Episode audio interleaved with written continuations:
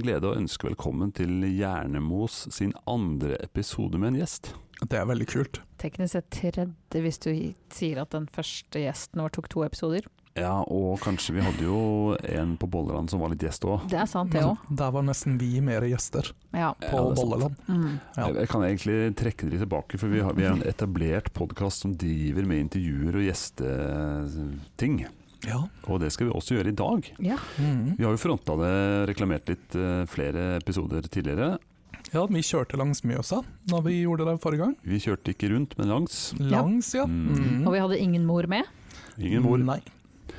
Men eh, vi, eh, det har han Han har ikke med seg hun i dag, kanskje. Mora. Jeg tror ikke det. Nei, men Og vi vet jo ikke, for vi sitter jo her nå bare oss tre i studio.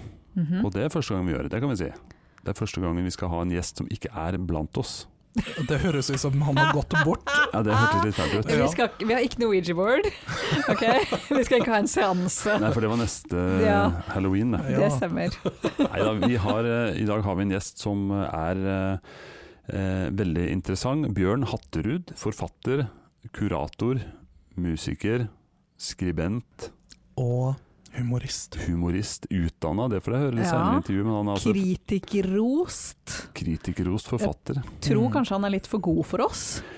Ja. Way above our league. Yes. Mm. Men han er likevel eh, Det finnes noen paralleller her med oss. Han, han er sånn omtrent like gammel som oss. Ja. Har flytta mm -hmm. fra et lite sted til Oslo. Yep. Uh, og har, uh, har litt komplekser rundt det. Så det blir spennende å grave litt rundt. Han mm. har gitt ut en bok og fått en pris. Boka heter 'Mjøsa rundt med mor'. Mm.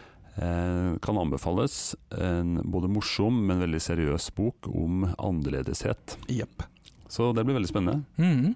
Vi gleder oss. Men hvordan skal vi få han på tråden? Ja, hvordan skal vi få den på tråden? Uh, magi. Magi. Yes. Vi, vi tester ut. Vi tar det per, per telefon. Eh, Vi skal se den på skjerm. Det, det blir spennende teknisk forsøk. Eh, Jeg håper lyden blir ok, så kanskje vi utvikler oss videre òg hvis du ikke syns den er ok. Men det viktigste er innholdet. Ikke sant. Men da er vi klar da. Vi ringer opp. yes. Abrakadabra.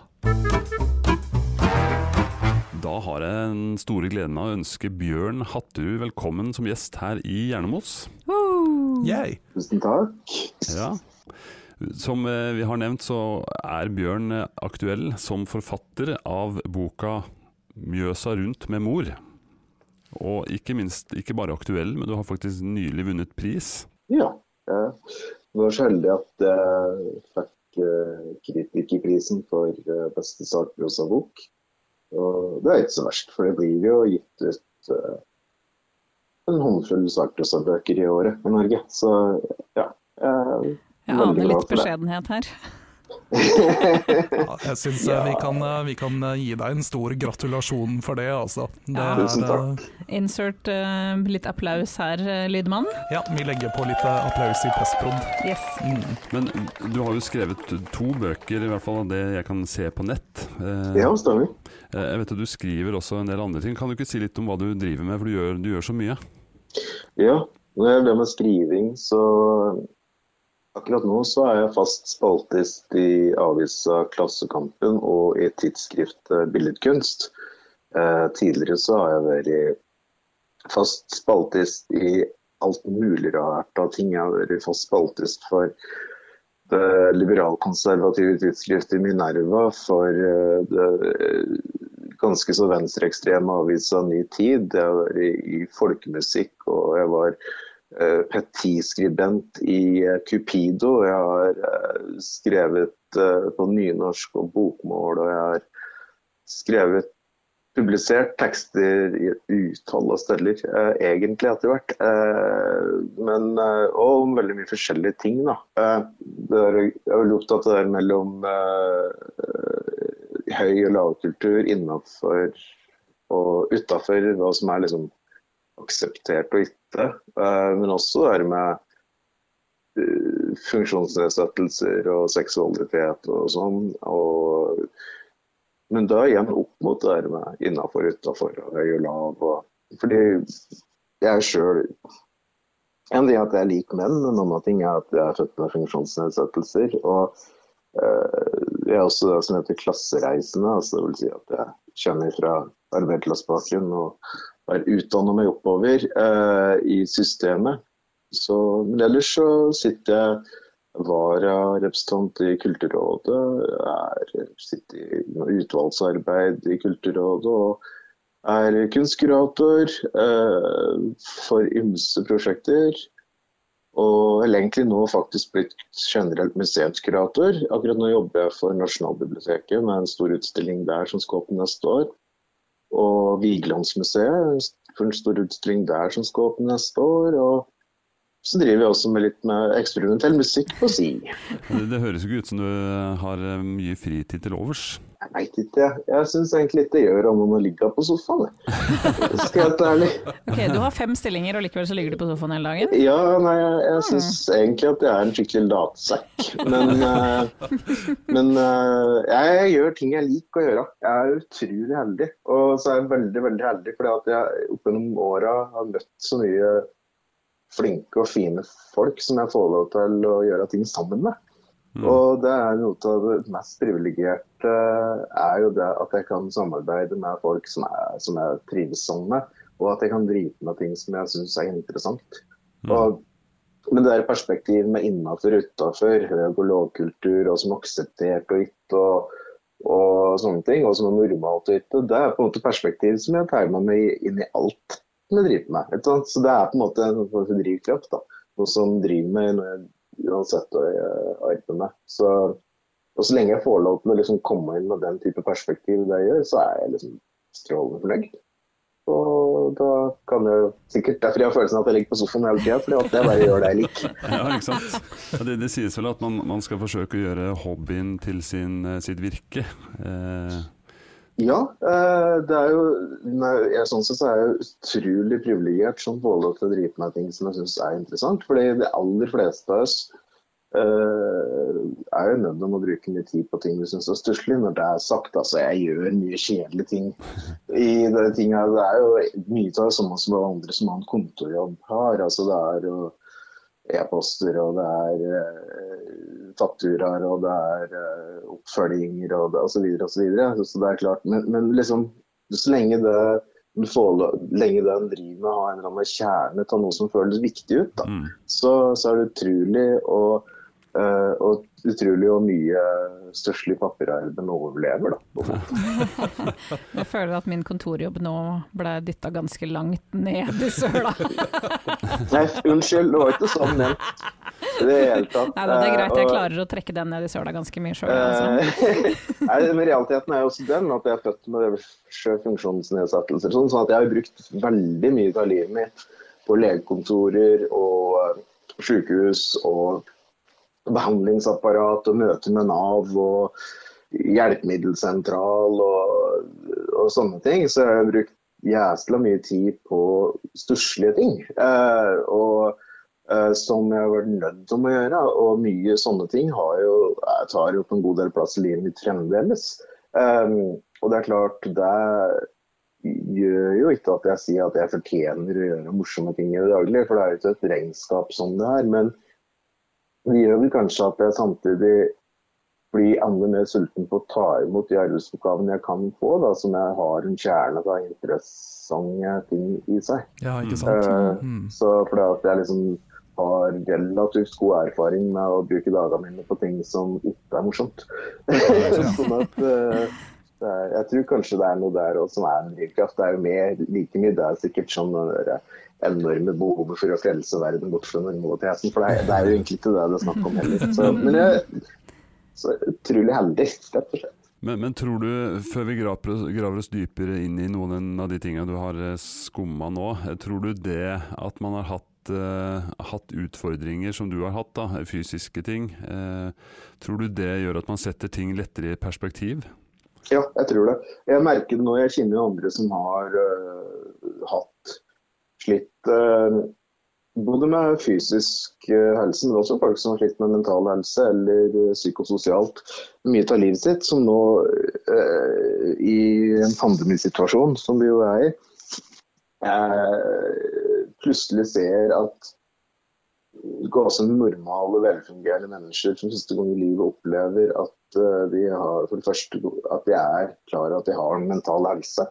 Eh, Det er det første. Og det andre er at helt normale folk plutselig er urolige over sin fysiske helse. Noe de kanskje heller ikke har trengt å være før. Mm. Eh, Og at de er nødt om å eh, tenke rundt sitt sosiale liv på en annen måte. Og jeg ser jo at de jeg kjenner som har hatt utfordringer i hele livet, klarer seg relativt sett ganske bra nå i pandemien. Fordi at det her er liksom bare normaltilstanden deres som plutselig har slått bredt ut i hele befolkningen. Sånn at eh, Så det gir jo en form for mestringskompetanse. Og jeg tror det gir eh, en kan gi en måte å eh, tenke type problemløsning og sånn. da. Altså at du, bare sånn der, du er vant til at, at, at det dukker opp problemer uh, innimellom som du litt er forberedt på. At du på en måte får en eller annen form for skills rundt deg og, Mm. og takle,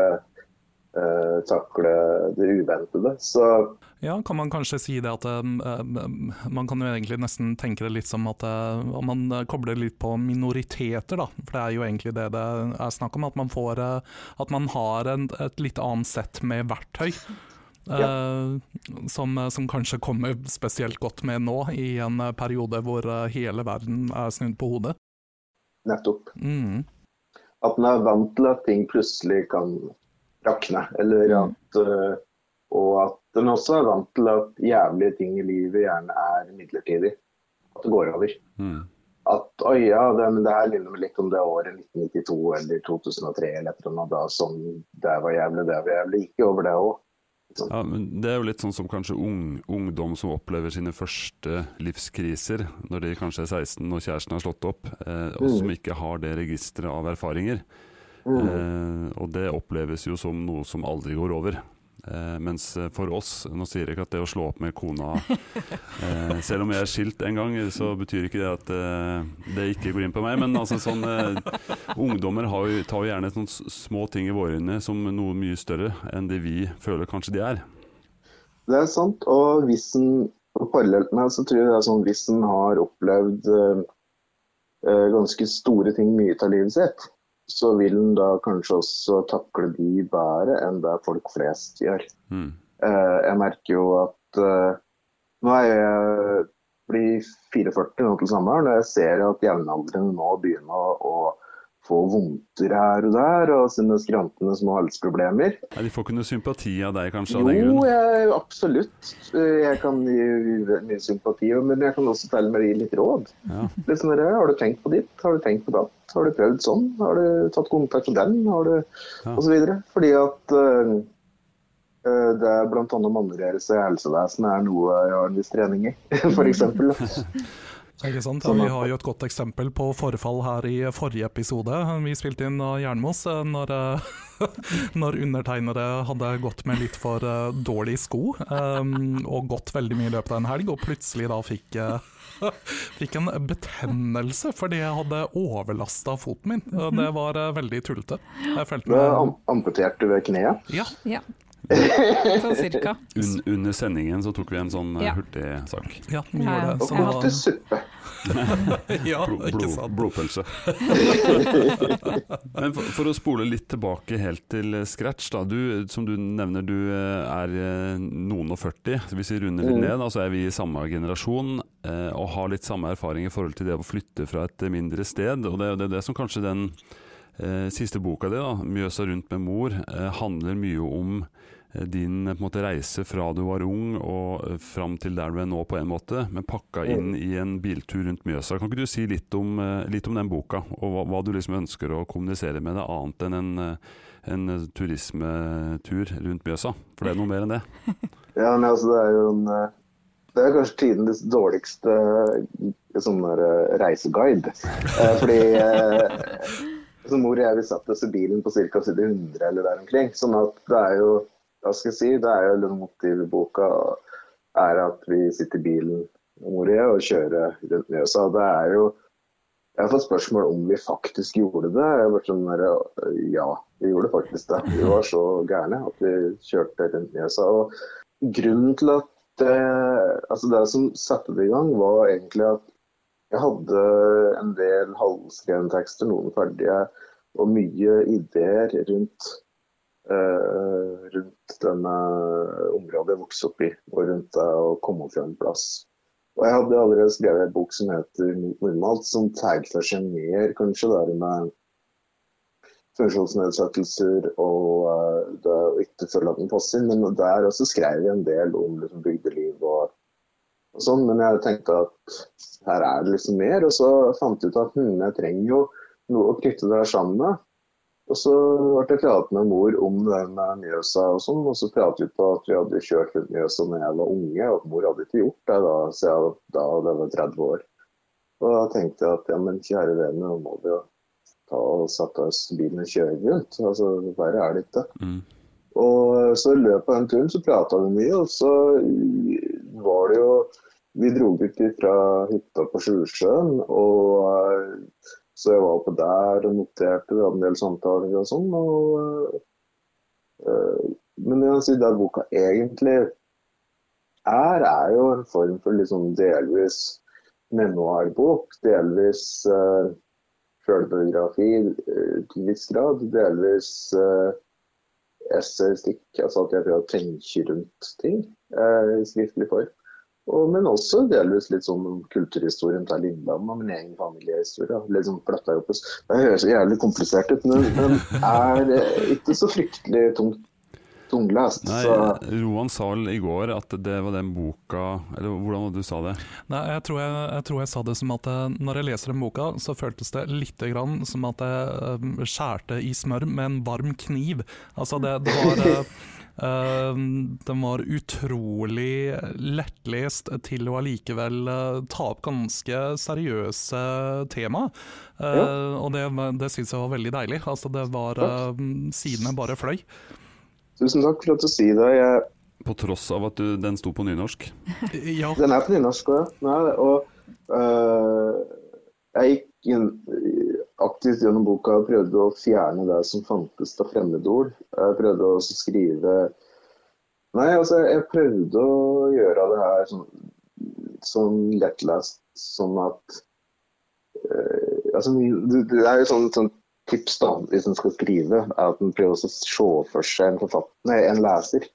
Uh, en eller to konkrete lesere som en skriver for. Og I tilfellet her så var det mora mi som var min leser. ikke mm. sant? Mm.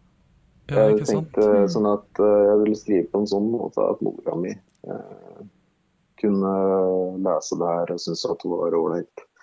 Og det merker jeg jo at har funka, for det er veldig mye voksne damer i min mors generasjon som har lest i ja. den boka her, som sikkert har fått det av sine unger. Ja. Eh, og sånn, eh, og som da liker, eh, liker det. Og flere har sagt at ja, jeg fikk lese noen sider, så da, da hadde jeg glemt at det var på nynorsk.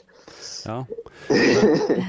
jeg tenker sånn, Hvis jeg skulle oppsummert den da, eh, Jeg har lest den, og den er veldig bra. Jeg har lest begge bøkene. og den det, det, er jo en bok som handler om eh, altså det å komme fra en liten plass og være annerledes. Eh, og både fysisk, men også eh, etter hvert innse at du er homofil. Eh, og den reisen man har liksom, gjennom den perioden som kanskje er vanskeligst, men også inn i det voksne liv på et større sted. Eh, men du bruker jo da humor ganske aktivt. Eh, er det sånn at vi gjennom at din mor var leser, kan forstå at hun har den type humor som du har brukt? Det er et godt spørsmål. Jeg, jeg tror jeg har liksom Begge foreldrene mine har, har mye humor. Og jeg, jeg tror vel det er liksom det, Hva skal jeg si? Eh, det derre eh, type sånn liksom grotesk humor og, og liksom brutal sjølironi og sånn, det er en type humor som vi, som vi har i familien. Det er, altså. det er veldig eh, Faren min er kanskje den mest ekstreme. jeg sitter i hånden på at hun har lyst til å bli kremert noen døde transverter ligge og røttene forurense grunnvannet. Eh, og sånne ting. Det er liksom der, altså det er en ganske sånn brutal pratemåte, men sånn eh, eh, altså Et annet eksempel, det tror ikke jeg skrev det i boka, men et annet eksempel er at faren min har jo sånn pacemaker med hjertestarter. og så når han fikk det, så sa jeg at herregud, ble vi aldri kvitt deg. Så jeg at så fort hjertet ditt stopper, så, blir, så slår det i gang igjen pga. jævlig hjertestarteren. Og sånne ting. Så, nei, så det er, um, det er en litt sånn brutal og direkte uh, humor. Uh, og uh, jeg er så heldig at jeg vokste opp i en familie der det er relativt sånn relativt åpent språk, da, på en måte. Uh, jeg kjenner jo folk som kommer fra familier der mye av samtalen uh, skjer via uh, blikk og øyenbryn og sukk og, og kroppsspråk, på en måte. som jeg syns ville være fælt for meg. Jeg er, veldig, jeg er veldig heldig at det er stort sett artikuleres, da. Ja. Det er sånn, jeg kommer jo også fra en familie hvor, eh, hvor, det har vært eh, ganske åpent med språkbruken og, og ganske mye brutal humor også, men jeg, jeg, må jo, jeg, må jo, si det at eh, selv om det er brutal humor, så er det allikevel en veldig lun og varm humor allikevel. Um, det er uh, det var, altså, Sjokkfaktoren er jo ikke høy sånn sett. Altså, det er mer det at man, man leser det og humrer litt og man blir litt uh, Ja, syns det er litt hyggelig. Det kan ja, det er koselig å høre.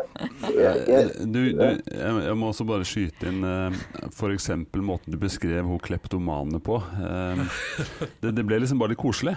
Hele, hele Nei, men det, var, det er jo liksom det, Hun var jo Hun levde jo til jeg var over 100, tror jeg. Og hun eh, var jo, hun var jo kleptoman. Butikken stengte i 98, sånn at så det var jo liksom hennes liksom trim foreldre, da. Å gå på butikken og sakte stjele. Eh, alle visste om det?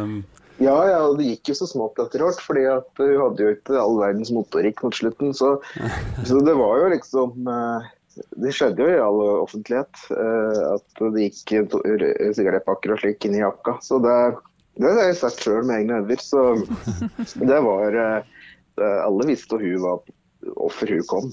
Men, men, men, eh, det høres ut som en sånn slags positiv del av en sånn bygd, at alle vet, men tillater å ta liksom nærmest vare på en, en sånn person, da, som man i Oslo, ja, det er Oslo faktisk ville Altså, det var jo sikkert folk der som var fordømmende og, og, sånne ting, og det er jeg helt sikker på. Uh, og sikkert latterliggjøring òg, men samtidig opplevde jeg som at det var rom for mangfold. og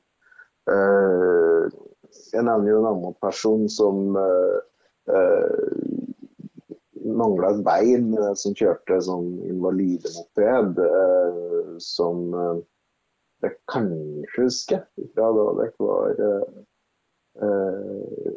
fra bygder da dere var unge. De pleide å være blå, og sånn trehjulsmopeder. Mm. mm.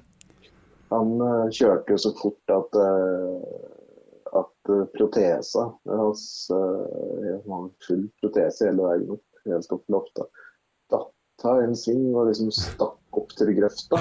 Det... var mors venninne Marit sånn fant det beinet. Hun er jo, var jo, jobba jo som, som helsearbeider eller helsefagarbeider. Altså, det var jo fint at det var hun som fant det, men han var jo ytterst original. Skulle jo bygges seg enebolig, og så rakk han ikke mer enn uthuset før vinteren kom. Så da isolerte han uthuset og flyttet inn der, og der ble han boende. Så han bodde da i uthuset sitt. Og hver, hver vår så satte han opp ny skygard, og hver høst så slo han den ned, sagde den ned og brukte den som ved. Og fyrte den opp. Uh, og den type folk var det mange av. Uh, og uh, det var vel litt sånn ulike folk takler jo annerledes helt ulikt. Og jeg tror kanskje at jeg også var heldig på den måten at mine foreldre ikke da sa noe stygt om de som var annerledes. Det har jo noe med hadde jeg vokst opp i en annen familie, så hadde folk kanskje pratet ned de der tullingene som gjorde sånne rare ting, men jeg opplevde jo aldri det sjøl. Mm. Sånn så det er klart andre kan ha vokst opp i den bygda og hatt et helt annet forhold til eh, mangfoldet som var der. Mm. Eh, et spørsmål til om den, eh, den humoren din, for jeg er jo veldig glad i humor eh, sjøl. Ja. Eh, og, og, du er jo en meget eh, Jeg tror ikke du Eller du slår meg ikke som en som gjør ting helt ubevisst. Eh, når du bruker humor så direkte og så rått som du av og til gjør, da, som f.eks. det å kalle deg selv for en vandrende generisk søppelhaug, eller eh, Genetisk, ja. genetisk søppelhaug. Mm, mm. Eh, Tror du også det er en slags form for eh, eh, beskyttelse i det å bruke humor eh, om, om seg sjøl og sine svakheter? Ja, det er klart det.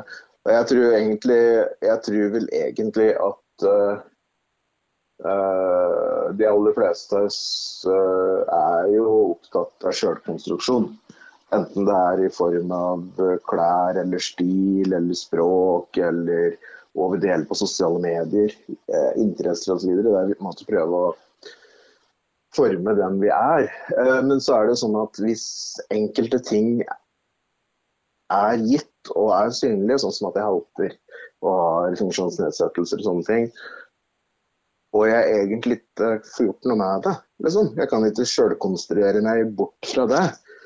Eh, da blir jo en bedre strategi å tenke at OK, det er der, og, og heller da uh, inkludere det på en eller annen form for positiv måte da, gjennom å bruke f.eks. humor.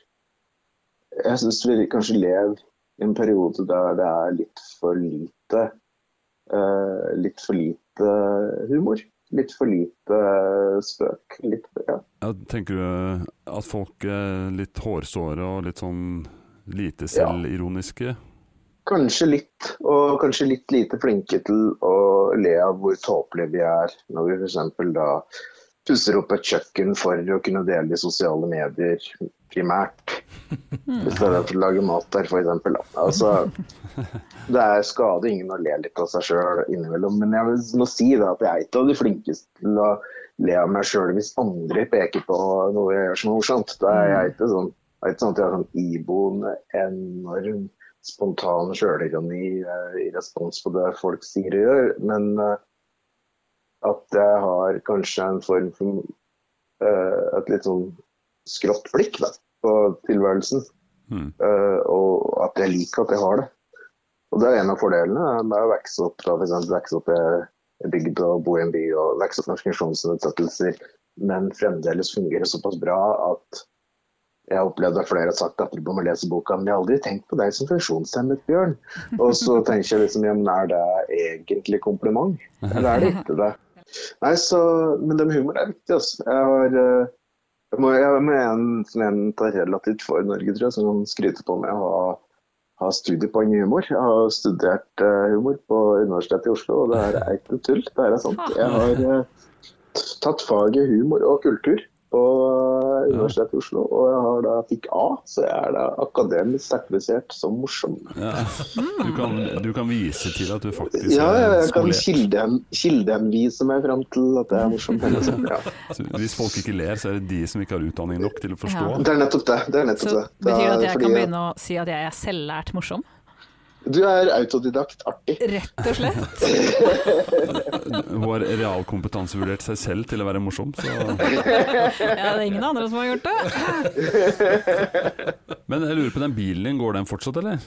Ja da, den står rett utenfor her. Honda Jazzen. Du, mm. du vier jo litt plass til den bilen òg. Sånn syns jeg er litt morsomt. Sånne detaljer som uh... Ja, men den er, jeg synes det er morsomt, fordi det er som Igjen, da. Det er så morsomt. Jeg skriver åssen det er primært øh, heterofile menn som har du vet, og den egentlig heter den bilen der. Ja, så sier jeg, ja, ja, det her er fitta mi. For den heter jo Honda Fitta i Ja. Japan. Mm. Honda Fit i USA. Eh, men nå har jo Honda faktisk klart å slå den humoren her. For I Norge nå så selger de en modell som heter Kona. Ja. Fantastisk. Mm -hmm.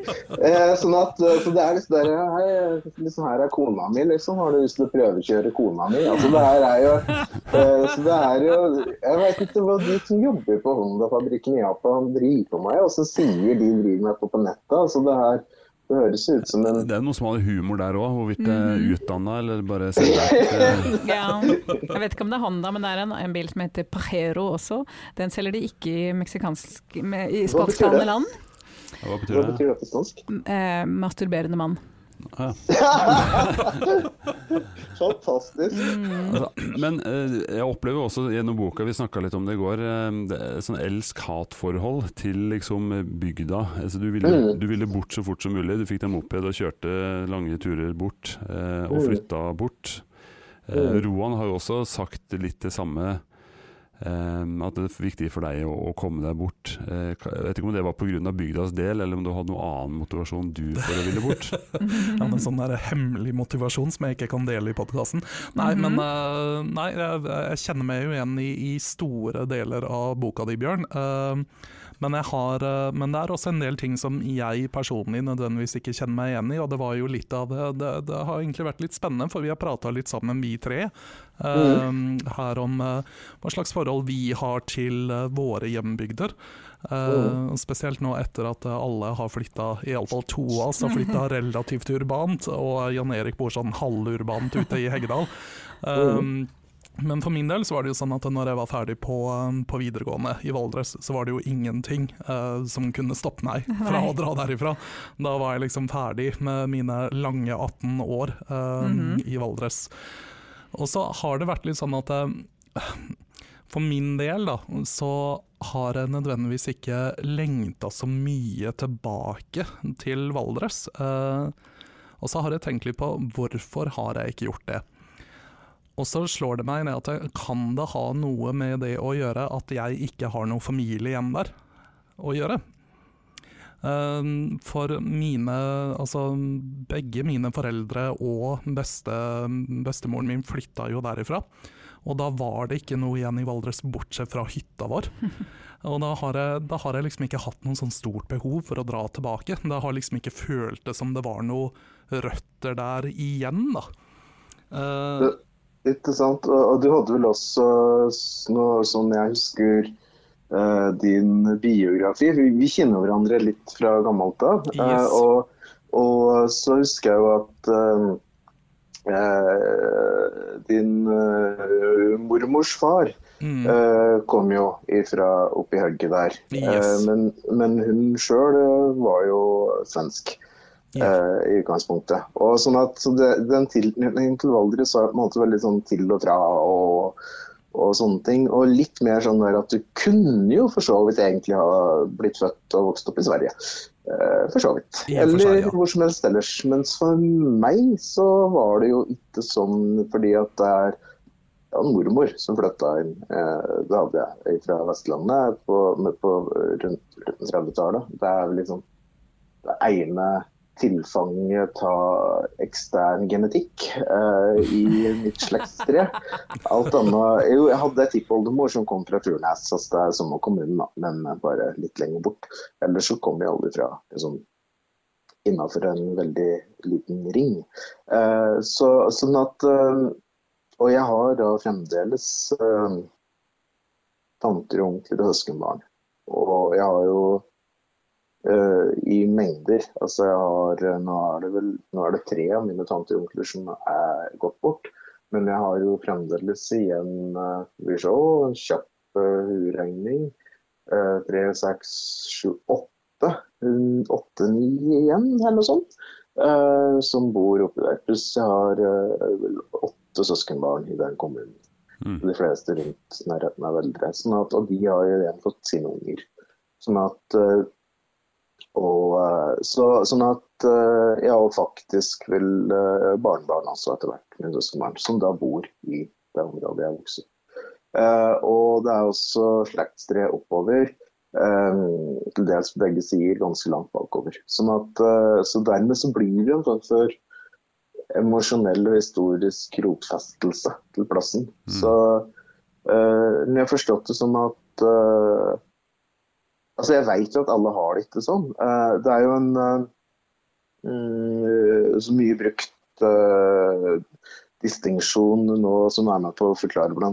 republikanernes framvekst i USA, og sånn som går på at enkeltpersoner er somewhere, og andre er eh, anywhere. Eh, og de som er eh, somewhere, er de som føler en stedstilknytning. Og der den stedstilknytningen er en viktig del av deres personlige identitet. Og så er det de som er anywhere, som på en måte ikke føler så sterkt på stedstilknytning. Og der det stedet du bor eller kommer fra, ikke betyr så mye for deres identitet. Det er de, når det blir spurt hvordan de vokste opp, så kan de svare på det, men de finner det irrelevant eller uinteressant. Ja, for jeg lurer på om det kan være litt sånn eh, at det sammenfaller litt for både meg og Mona, sånn Ja, sett. Altså fordi at absolutt. eh, selv om jeg har, eh, som du sier, at jeg har, jeg har jo noe slektskap, og jeg har historikk i Valdresare, men den er veldig oppbroka.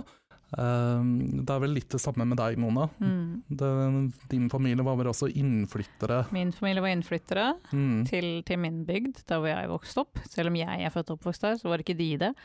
Um, og de flytta jo ganske kort tid etter at jeg flytta derfra. Jeg har faktisk 20-årsjubileum i sommer for at jeg flytta fra Enebakk. og aldri så meg tilbake. Fe- Feiring på Teams. Feiring på Teams, whoop.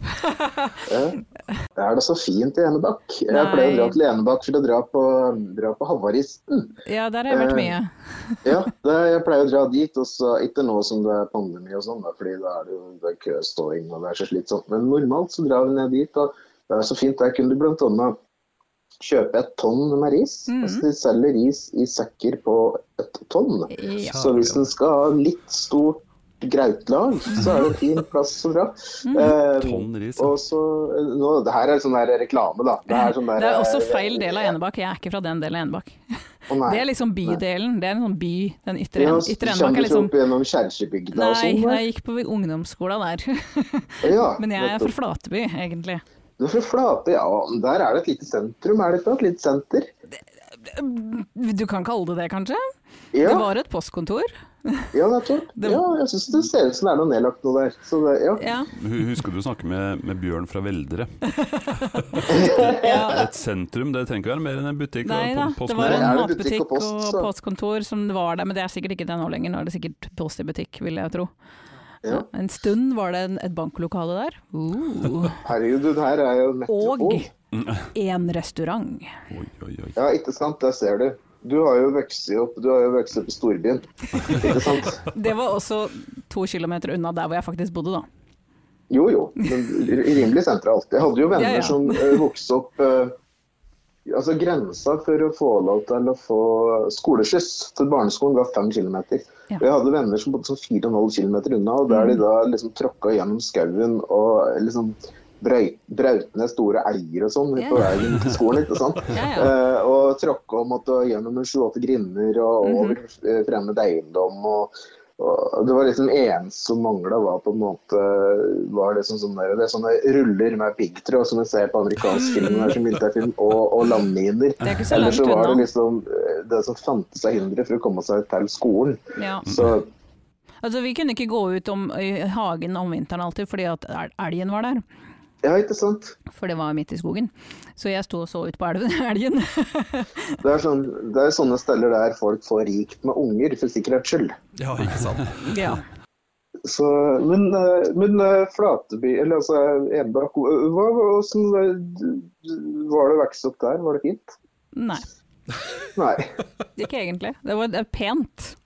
Hvis man liker Ja. skog og innsjøer og natur, så er det veldig fint. Ja. Um, hvis man er, prøver å like, late som man er litt intellektuell, så er det ikke så fint. Nei.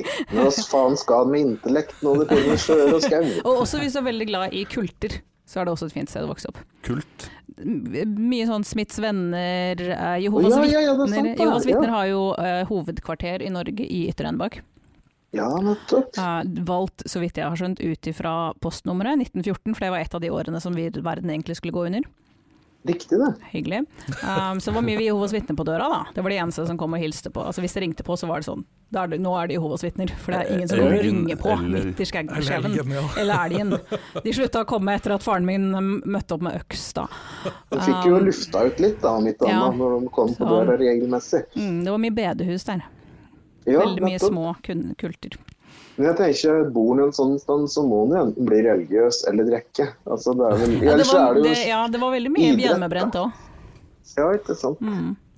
Ja, men det er, eh, jeg tenkte også, Bjørn, fordi at det, uh, tilbake til, uh, til den uh, forkjærligheten som du har for veldre. Mm, mm. altså, selv om jeg på en måte ikke har sett meg tilbake etter jeg flytta fra Valdres, Um, så har jeg fortsatt veldig mye gode minner fra Vestre Slidre, som var den bitte lille bygda jeg vokste opp i. Uh, og selv om jeg for all del aldri i livet kunne tenkt meg å flytte tilbake, så har jeg tatt meg selv i uh, iblant å gå inn på sånn Gå inn på, uh, på Google Maps, Ja. bare for å se litt grann, hvordan ser det ut der nå, Mm. og hva har egentlig skjedd i bygda. Og så blir jeg litt sånn sur fordi de har hogd ned den skogen som jeg rekte i da jeg var liten og sånn.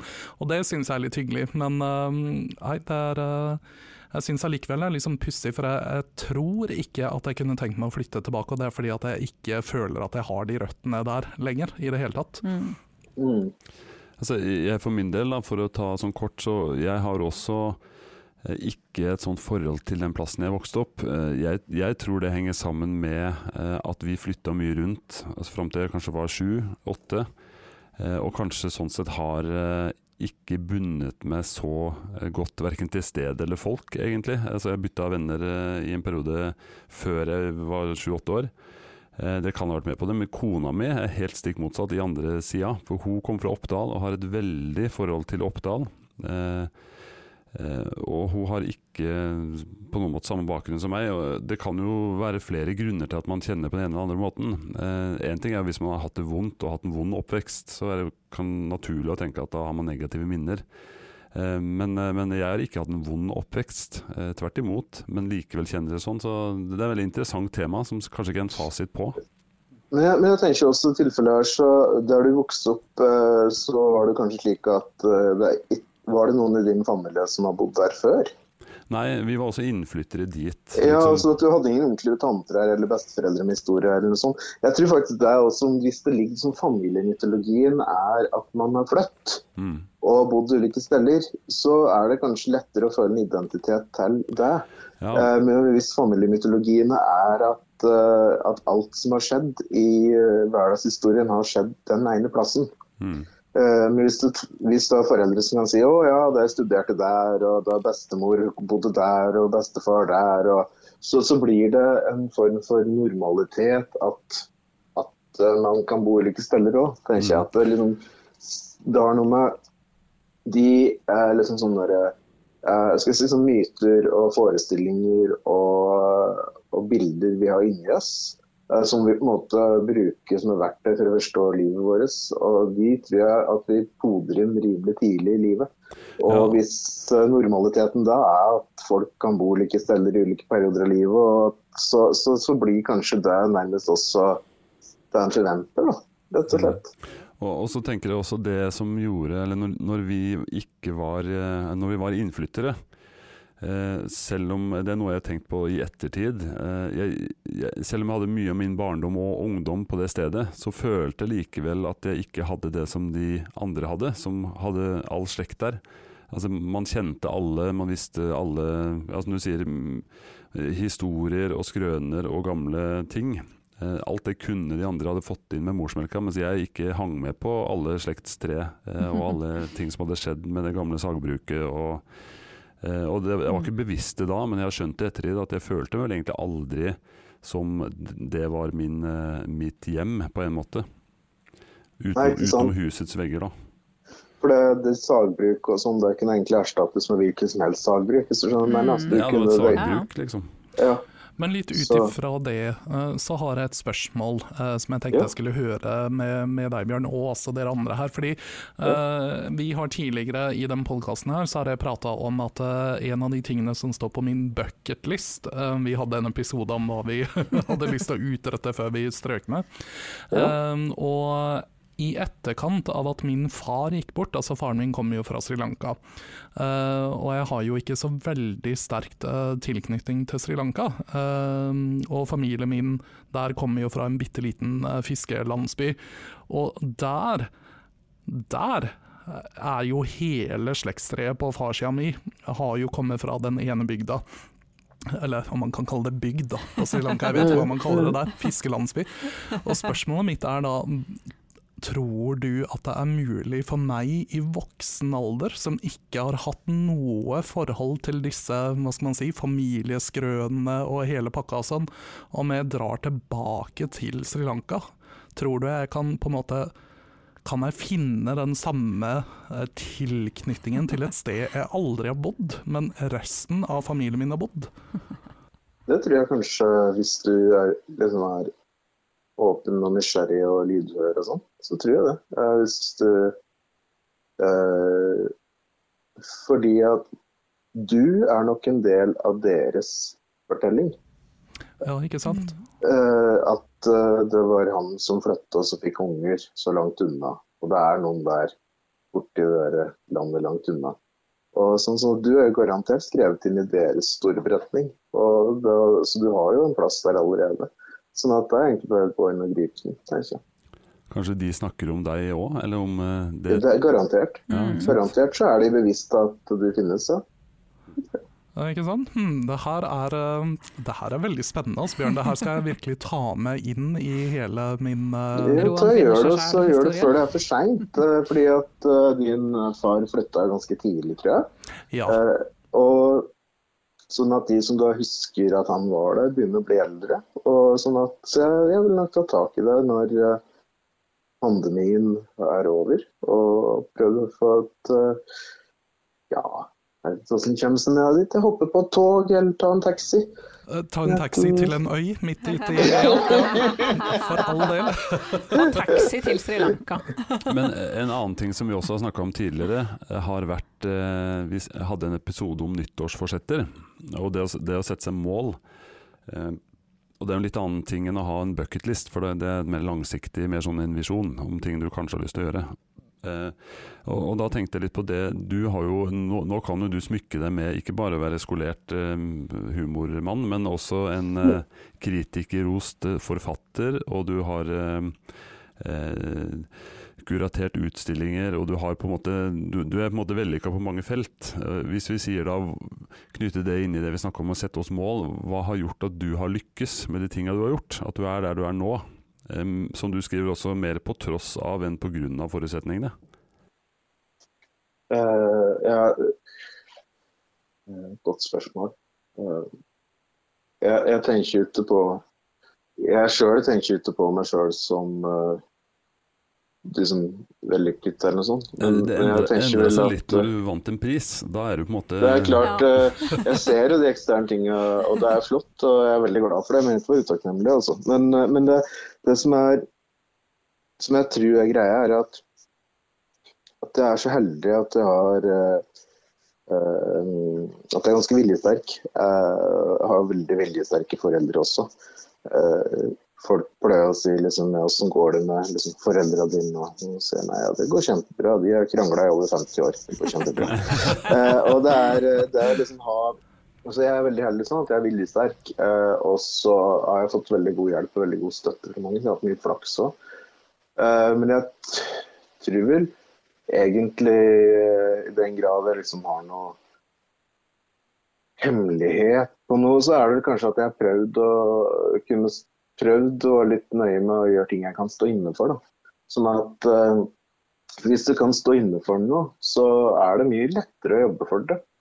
eh, enn hvis en gjør noen egentlig ikke tenker at, den, at det her kan jeg liksom ikke stå for. Det her er ikke jeg spesielt stolt over. Da, da, da skal, må du jobbe mye hardere for å mobilisere motivasjon. Eh, Mm. Motivasjon kommer lettere på seg sjøl hvis en gjør noen føler en kan stå inne for. Det er det ene eh, som jeg tror er litt viktig. Altså. Det er med, og, og det andre er det å prøve å oppsøke synergi. Eh, altså prøve å samarbeide med folk der, eller innlede samarbeid eller prosjekter der absolutt alle parter som er involvert, tjener på det. Det Mm. tror jeg er kjempeviktig. Eh, har du lyst til å gi ut en plate, prøv å ta kontakt med noen som har starta et plateselskap som trenger en plate å gi ut. Prøv, Mm. altså, prøv å tenke at det du gjør, skal alle som er involvert tjene på. Eh, jeg veit at en mer etablert måte å tenke på er kanskje at en skal liksom albue seg frem og fronte seg sjøl, og så gi litt faen i åssen det går med andre. Men jeg tror ikke det er effektivt. Jeg tror det er mye mer effektivt hvis en prøve å gjøre ting på en sånn måte at alle som er med, kjenner på det. Fordi da vil alle også yte sitt beste.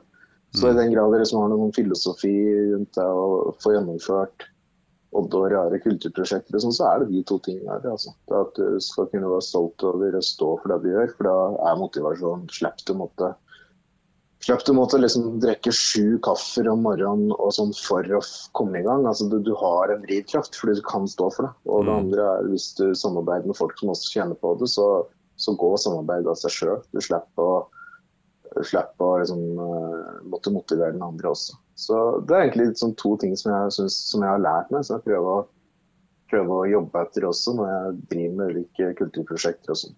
Mm. At folk skal alle, skal kjenne på det. Så det her høres sikkert skrekkelig banalt ut, men eh, jeg syns det er litt viktig allikevel. For det er særlig en kultur som vi lever i der det er mye som sånn hard konkurranse, da. eh, som frontes som liksom eh, veien til å lykkes. Mm. Liksom å tråkke på andre og, og backstabbing og sånne ting. Så, så jeg tror ikke det er effektivt. da. Liksom. Nei, det er kanskje De må kort- gjerne drive på med det, kortsiktig, kortsiktig effektivt da, for å oppnå ett lite mål, men eh, Ja da. i det lange løp så er kanskje ikke den beste Nei, altså det, det er jo noen som er så dyktige på å være drittsekker at de gjør en hel karriere av det. Men uh, jeg tror de aller fleste av oss er litt mer humant innstilt. da. Sånn at uh, Da tror jeg det er å prøve å leite etter de prosjektene der det. Der er kanskje at det her, det her eh, er kult. mm. Det, det her kan jeg si. Det, det tror jeg. Så, og så tenker jeg eh, prøve å eh, Prøve å prøve, Ja, og prøve å behandle folk ålreit, liksom. For at det er så slitsomt å gå rundt i hverdag og oppleve som at en har fiender eller har folk som er ute etter en. En ting er at en blir paranoid, det i seg sjøl er ikke voldsomt behagelig. Men det andre er at du blir med nødt til å forholde deg til en mengde folk som du ellers kunne sluppet unna. Mm. Så ja, så bare hyggelig og grei og ja, sånne ting. Det tror jeg kan virke. Jeg har ikke dermed sagt at jeg klarer å leve etter det sjøl, men uh, det er da et ideal. Slapp av, vi har alle en erkenemesis. det er. Men, uh, ja, men jeg, tror også, jeg tror også den greia som jeg syns er litt viktig sånn, sånn generelt, da, er at mange av oss, eh, meg sjøl inkludert, bruker jo unødvendig mye tid på å tenke på åssen det måten vi tenker på, eller hva vi gjør, eller åssen vi gjør ting. eh, ser ut i andres arver. da. Jeg har bruker i hvert fall fryktelig tid på det. og og sånne ting. Og når en klarer å gi litt slipp på det, og så heller på en måte prøve å leite etter en eller annen kjerne i seg sjøl, det som er liksom viktig for en sjøl, så, så ender en jo ofte opp med å gjøre noe som er uh, mer interessant da, enn hvis en uh, bruker fryktelig mye tid på å tenke på andre måter like og ikke. Men uh, jeg er ikke dermed sagt at de ikke gjør det, tvert imot. Bruker altfor mye tid på det. Men det tror jeg er veldig allment. Jeg mener jeg har lest en plass at når man er 20, så bruker man fryktelig mye energi på å tenke på akkurat det, hva, man, hva andre tenker om en. Eh, Når man er, Mm. når man er 40, så gir man F i hva andre tenker, og når man er 60, så finner man ut at ingen har tenkt på det overhodet. Ja, det er jo faktisk altså, noe jeg har tenkt på hvis jeg har hatt eh, Det går jo det er mye Zoom-møter og Teams-møter og den slags for tida. Og av og til etterpå så sitter jeg og tenker sånn Å, herregud, nå, uff, jeg sa ditt og gjorde datt og pella meg noe sånn og sa dumme ting. Eh, og så etterpå så tar jeg meg sjøl og kan liksom kjøre meg helt til kjelleren. Og så tenker jeg etterpå bare Men jeg husker jo ikke at de andre dreit seg ut. Jeg husker jo ikke om noen andre gjorde noe dumt. Nei, ikke sant? Eh, og er jeg så jævlig mye viktigere enn de andre at de skal sitte der og bruke sin energi på og, altså Når jeg var en av åtte ruter på skjermen.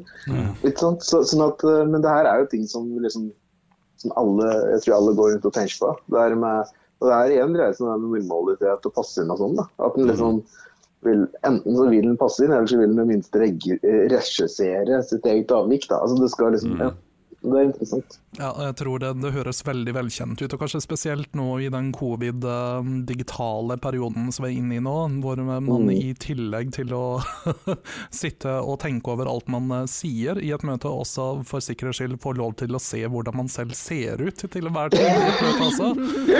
Det, nå har vi, eh, vi har jo deg på, på video her parallelt som vi prater, og han, nå har vi heldigvis klart å gjøre en eller annen feil på Mac-en, så jeg ser faktisk ikke hvordan jeg ser ut i dag, og det er veldig befriende, merker jeg.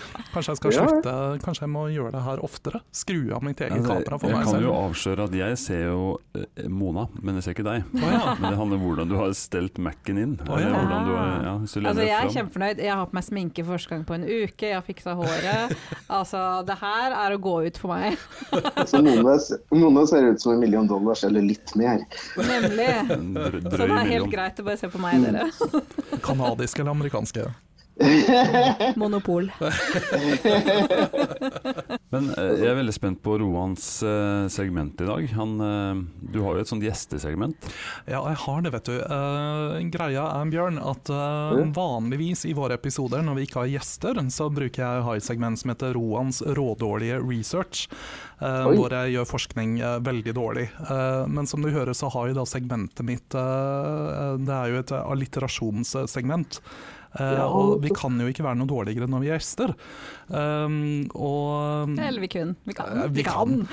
Men eh, det vi da har bytta det ut hver gang vi har gjest, det er jo da at vi, vi vil gjerne ha et revolverintervju. Men vi kan jo ikke kalle det for Roans revolverintervju, fordi at da blir det jo ikke alliterasjon. Så Nei, det det segmentet som vi tenkte vi skulle utsette deg for nå, er da Rohans russiske rulett. Rohans russiske rulett. Ok, Bjørn, er du klar? Mm. Kaffe eller te? Kaffe. Grill eller wiener? Grill. Godt stekt eller rå? Åh, det kommer an på om det er fisk eller kjøtt. TikTok, TikTok. Ok, godt stekt. Right. Ketchup eller sennep? Sennep. Søtt eller salt? Uh, søtt. Briller eller linser? Briller. NRK eller TV 2? NRK. Fiksjon eller fakta? Oh, fakta. Nødt eller sannhet? Uh, sannhet. Ja, dette var ikke et lurespørsmål. Bygd eller by? Oh. Uh, by. Pepsi eller cola? Cola. Pest eller kolera? Kolera. Støy eller stillhet? Og stillhet. Fortid eller fremtid? Fremtid. Passasjer eller sjåfør? Sjåfør. Og ikke minst CC-Marten eller samvirkelaget? Samvirkelaget. Hvem har den beste podkaststemmen i Jernmos-panelet?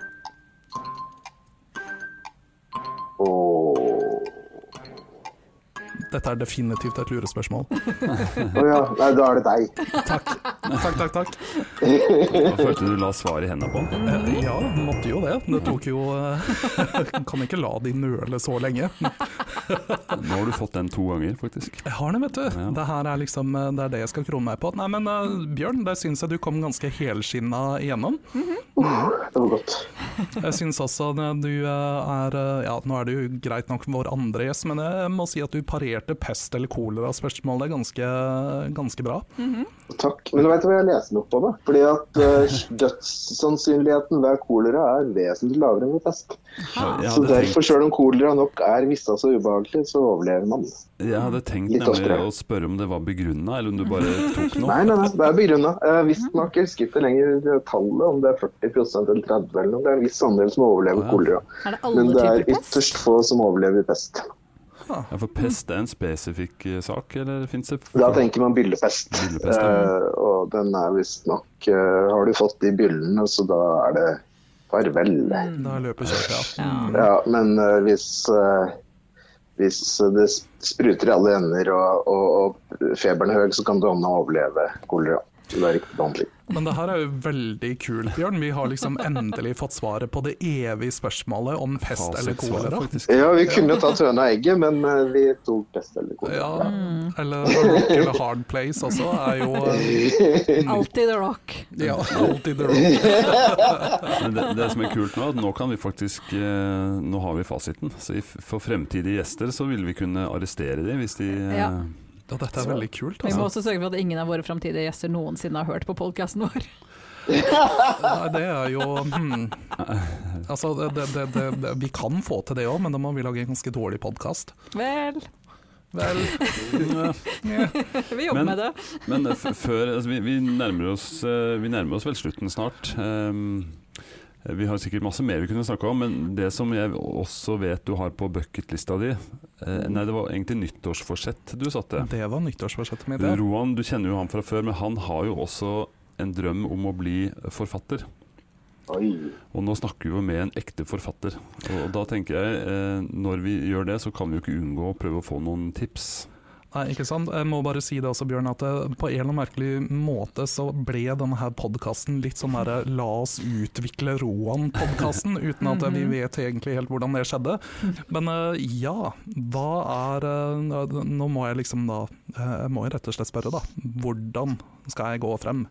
For Nei, og så kan du si Det er jo enkelte som er så heldige at de da har eh, forfattere i opphavet sitt, altså la oss si besteforeldre eller så. Eh, og Noen de som har det, vil jo kunne dra veksel på det genetiske. Eh, men eh, de av oss andre dødelige som ikke har det, eh, må gjøre to ting. Det ene er å skrive, men viktigere er å lese. Det er ingenting som er så effektivt hvis du har lyst til å skrive godt, som å lese mye. Ikke sant. Det er det viktigste verktøyet. Det aller, aller viktigste verktøyet for å kunne skrive godt er å lese mye. Mm. Men det går an å lese lydbøker, det funker helt fint. Og det går an å lese serieromaner, det går an å lese alt mulig rart. Men det er, eh, det er faktisk den ene, uh, det ene tingen som uh, gjør Som kjenner Som folk som skriver godt har til felles, er at de leser mye. Ja, ikke sant. Men, men jeg har en fordel, vet du. Eh, For vet du hva jeg fant ut? Jeg fant nemlig ut at eh, jeg har akkurat bytta jobb. Og jobben min ligger i samme etasje som Samlaget. Så jeg lurer på om jeg kanskje er nødt til å bytte over til Nynorsk. nynorsk og tilfeldigvis miste noen manuskripter eh, på veien. Ja, vi kan gjøre mer enn det. Jeg kan, eh, det er jo samlaget som gir ut boka mi, sånn at du, er jo bare, du får bare gå over gangen og banke på. Så får du gå og prate med Cecilie, og så får du hilse fra meg. Ja, Der noterte vi enda et navn. Skal vi se, bra. jeg har jo egentlig knota hele livet, så da tror jeg verken at Samlaget eller at uh, noen andre forlag egentlig vil ha meg, men jeg kan ha Altså, jeg er samnorsk fanatiker på min hals, så jeg foreslår skriv på samnorsk! Samnorsk, ja. Yes. Det er sånn, det er sånn der eh, A-endinger og Mhm. Ja, er du med i, i dere Ja. Laget for norsk samling? Norsk språklig samling? ja, jeg er det. Ja. Det er du, det, ja. Det bare meg igjen.